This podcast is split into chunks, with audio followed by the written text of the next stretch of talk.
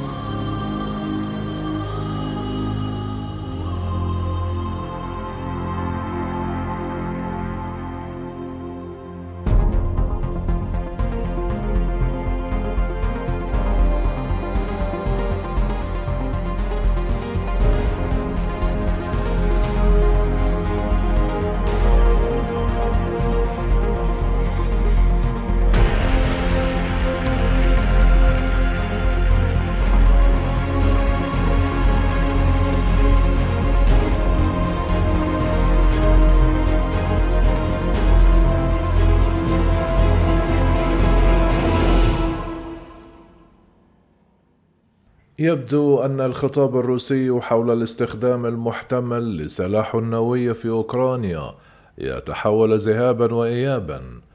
في أحد الأيام يناقش القادة العسكريون الروس خططا لاستخدام سلاح نووي تكتيكي.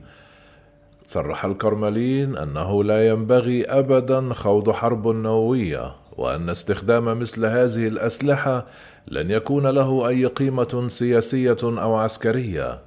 في حين أن هناك العديد من الدرجات على سلم التصعيد المجازي قبل أن تدخل المسألة النووية حيز التنفيذ. هناك على الأقل ثلاثة سيناريوهات مختلفة لاستخدام روسيا لسلاح نووي يختلف كل منهما في الأساس المنطقي والنتائج المحتملة. يمكن لروسيا أن تختبر أسلحة نووية كتحذير لأوكرانيا وأنصارها مما يدل على عزمها وقدرتها. الأفعال تتحدث بصوت أعلى من الكلمات. لذا فإن اختبار سلاح نووي قد يدفع بتصريحات الرئيس الروسي فلاديمير بوتون السابقه بأن هذه العملية العسكرية الخاصة في أوكرانيا أصبحت صراعا وجوديا بالنسبة للدولة الروسية. أجريت آخر تجربة نووية روسية في ظل الاتحاد السوفيتي في الرابع والعشرون من أكتوبر من عام 1990 وباستثناء كوريا الشمالية لم تقم أي دولة بإجراء تجربة نووية منذ عام 1998 ويمكن لروسيا أن تجري مظاهرة نووية في مناطقها الشمالية أو المياه الدولية أو في جزء غير مأهول من أوكرانيا. سيكون كل خيار من هذه الخيارات على التوالي أكثر جرأة من حيث مدى انحرافها عن المعايير القديمة المحيطة بالاختبار ومن المرجح أن تهتم روسيا بضمان الا يتسبب الاختبار في وقوع إصابات وأن ينتج عنه الحد الأدنى من التداعيات الإشعاعية. لن يؤدي الضرب النووي إلى ترجيح كفه الميزان لصالح أي من الجانبين. من المحتمل أن تكون فعالية حتى الأسلحة النووية الروسية الأكثر تقدما معروفة بالفعل للحكومات الغربية. ومن المحتمل الا يحفز الاختبار أوكرانيا على الاستسلام لأن كييف تشعر بالفعل أن الصراع وجودي كما أظهرت حملات القصف الجوي الروسية الأخيرة أنه إذا كان هناك أي شيء فمن المرجح أن تؤدي الضربة النووية إلى تقوية تصميم كييف وتوليد المزيد من التعاطف والدعم من الغرب. ومن المحتمل أيضا أن تكون التأثيرات الإنسانية والبيئية في حدها الأدنى، حيث سيتم اختبار موقع الاختبار مع وضع تلك الآثار في الاعتبار. أحد الآثار الجانبية غير المرغوب فيها قد يتعلق بعلاقات روسيا مع الصين. حاولت الصين اتباع نهج حذر في الحفاظ على العلاقة الشخصية القوية بين الرئيس تشي جينغ بيانغ وبوتون دون إثارة العداء الصريح من الغرب. تتعاطف الصين حتى الآن مع الأهداف الاستراتيجية الأوسع لروسيا في أوكرانيا. لكن التجربة النووية الروسية قد تضع بكين في موقف صعب أعلن شيئا مؤخرا معارضة الصين لأي دولة تستخدم أو تهدد باستخدام الأسلحة النووية. السيناريو الثاني: يمكن لروسيا استخدام الأسلحة النووية ضد الجيش الأوكراني أو أهداف البنية التحتية للطاقة في محاولة لإضعاف إرادة البلاد وإلحاق الضرر بقدراتها العسكرية. تمتلك الأسلحة النووية التكتيكية حمولة أصغر واستهدافا أكثر دقة مما يجعلها مواتية للاستخدام في ساحة المعركة. تمتلك روسيا حوالي ألفي سلاح نووي تكتيكي يمكن نشرها بالطائرات أو الصواريخ أو السفن. ومن المرجح أن تستخدم نظام صاروخ اسكندر إم قصير المدى. هذه الأسلحة لها عائد من واحد إلى خمسون كيلو طن أكبرها سيكون له نصف قطر انفجار حوالي نصف كيلومتر أكبر من القنبلة التي أسقطها الجيش الأمريكي على هيروشيما باليابان في نهاية الحرب العالمية الثانية. كما يمكن للهجوم النووي أن يضعف القوات الأوكرانية ويخلق منطقة غير صالحة للسكن من شأنها أن تجعل أوكرانيا تفكر مرتين قبل التقدم قبل الشتاء أو خلاله. من غير المرجح أن يؤدي استخدام روسيا لسلاح نووي تكتيكي ضد أهداف عسكرية في ساحة المعركة إلى وقف الهجوم المضاد الأوكراني حتى لو أدى سلاح نووي في ساحة المعركة إلى جعل التقدم البري أكثر صعوبة من المرجح أن تواصل أوكرانيا تركيزها على الهجمات الجوية والدفاع الجوي بطرق نجحت فيه في الأسابيع الأخيرة علاوة على ذلك فإن استخدام الأسلحة النووية في ساحة المعركة سيكون أقل فاعلية في إغلاق البنية التحتية للكهرباء والطاقة الأوكرانية من القصف التقليدي، لأن إنتاجيتها العالية ودقتها المنخفضة تجعلها غير مناسبة لتلك الأهداف. يصعب حساب الآثار البيئية لاستخدام الأسلحة النووية التكتيكية، وستعتمد على إنتاجية الرأس الحربي وارتفاع التفجير والطقس والجغرافيا المحلية.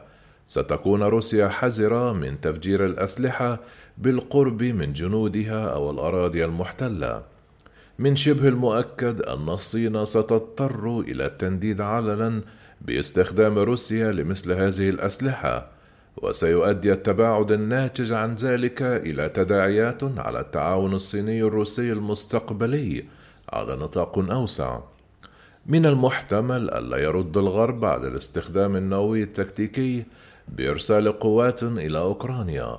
لكن من المرجح أن تزيد الولايات المتحدة وحلفائها من عدد الأسلحة التقليدية التي يرسلونها إلى أوكرانيا.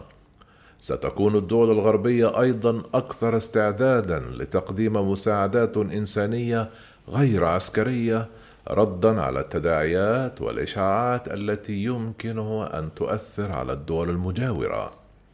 السيناريو الثالث الخيار الأكثر تصعيدا لروسيا هو أيضا الخيار الأقل ترجيحا. استخدام سلاح نووي استراتيجي ضد أهداف مدنية أوكرانية أو شركاء دوليين جارين لأوكرانيا. مثل هذا الهجوم سيكون أقوى بمئات المرات من هجوم يستخدم فيه أسلحة تكتيكية. يتمثل هدف روسيا في إضعاف العزم الغربي. من المرجح أن تستهدف المنشآت العسكرية أو البنية التحتية ذات الصلة بالجهود الحربية الأوكرانية. مثل خطوط توريد الأسلحة في بولندا أو منشآت تخزين الأسلحة في دول البلطيق. وعلى سبيل المقارنة فإن قصف مدينة غربية كبرى مثل باريس أو لوس أنجلوس لن يؤدي إلا إلى رد فعل غربي أقوى. هذا هو السيناريو الذي من المرجح أن يكون الرد النووي الغربي فيه مرجحًا.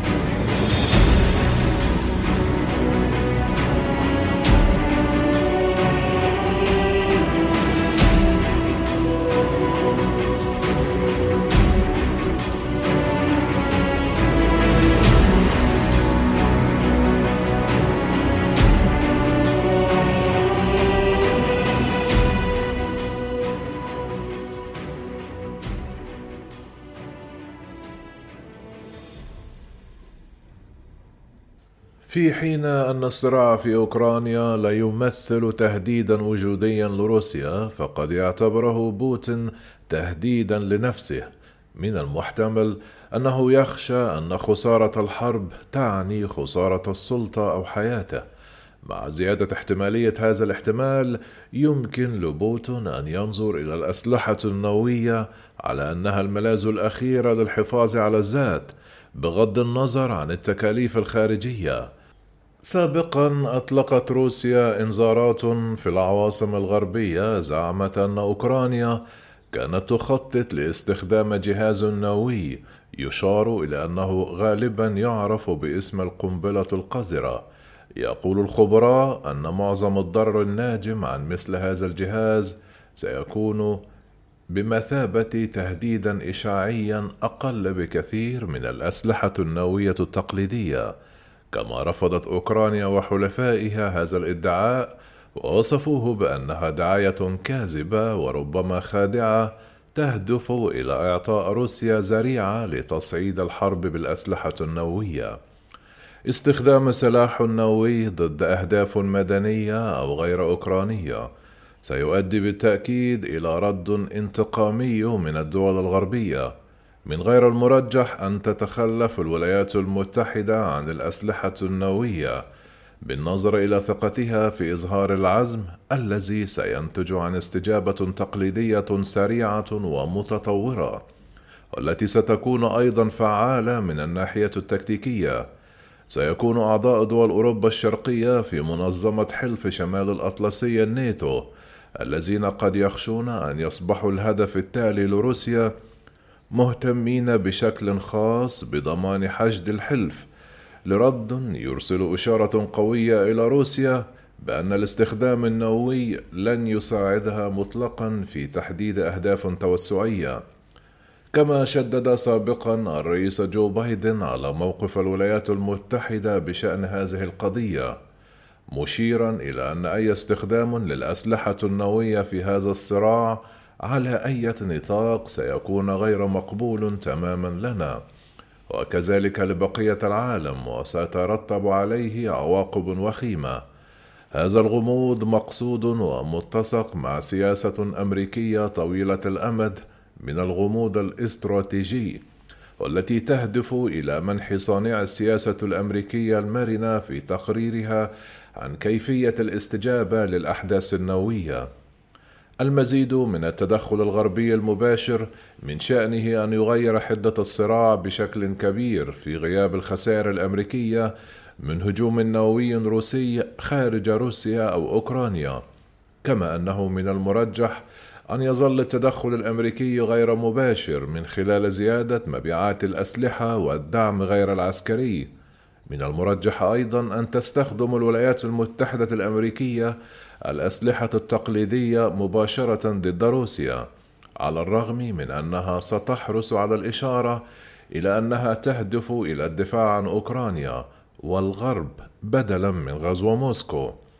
لن يعبر أي نشر للقوات الغربية الحدود إلى روسيا وحتى استخدام صواريخ كروز المتطورة والطائرات بدون طيار والعمليات البرية سوف تقتصر على الأهداف الروسية داخل الأراضي الأوكرانية. من المرجح أن تستمر العمليات غير الحركية مثل الهجمات الإلكترونية على الرغم من أنه لن يعرف الكثير عن تلك العمليات حتى بعد انتهاء الحرب.